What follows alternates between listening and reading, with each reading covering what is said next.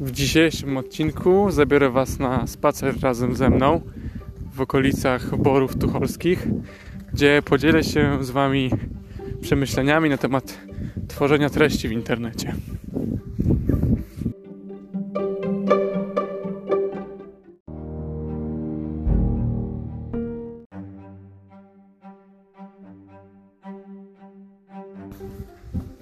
Tworzenie treści w internecie w zasadzie nie jest proste. Rozmawiam z wieloma osobami, które tworzą treści do internetu i to tak naprawdę jest za każdym razem droga. Czyli nikt nie rodzi się z taką naturalną umiejętnością tworzenia treści w internecie, bo jakby nie patrzeć, jest to nowe medium.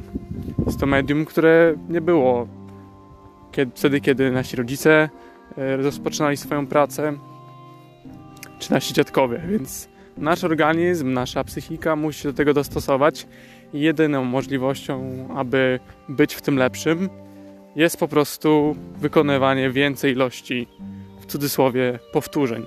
Im więcej treści tworzymy, tym łatwiej nam to idzie. To nie jest oczywiście odkrycie.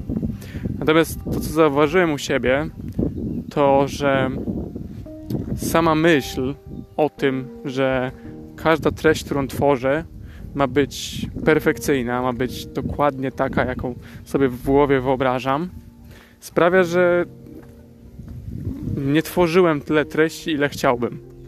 Przykład dzisiaj, tak? Idę przez las, gdzie wieje.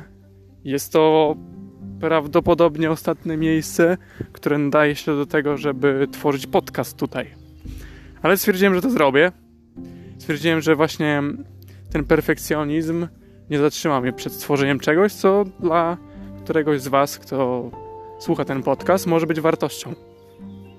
Bo sam się zatrzymałem na tym, że właśnie to zatrzymywało mnie przed tworzeniem treści, a często nie zdajemy sobie sprawy, jak bardzo nasza perspektywa na pewne rzeczy, jak może być dużą wartością dla osób, które nas słuchają, dla osób, które obserwują nas, to co robimy. I ja wierzę w to, że nawet jeżeli ta wiadomość, którą teraz robię, ma zmienić myślenie, czy ma pokazać coś jednej osobie, to wydaje mi się, że jakby cel jest wykonany. E, wystarczy, żeby jedna osoba gdzieś tam coś zmieniła. I myślę, że o to chodzi właśnie w tworzeniu treści w internecie, że nie tylko to jest kwestia tego, żeby rozwijać swoją firmę poprzez tworzenie treści, ale że też mamy realny wpływ na życie innych osób, na życie osób, które stoją po drugiej stronie tych ekranów czy tych słuchawek.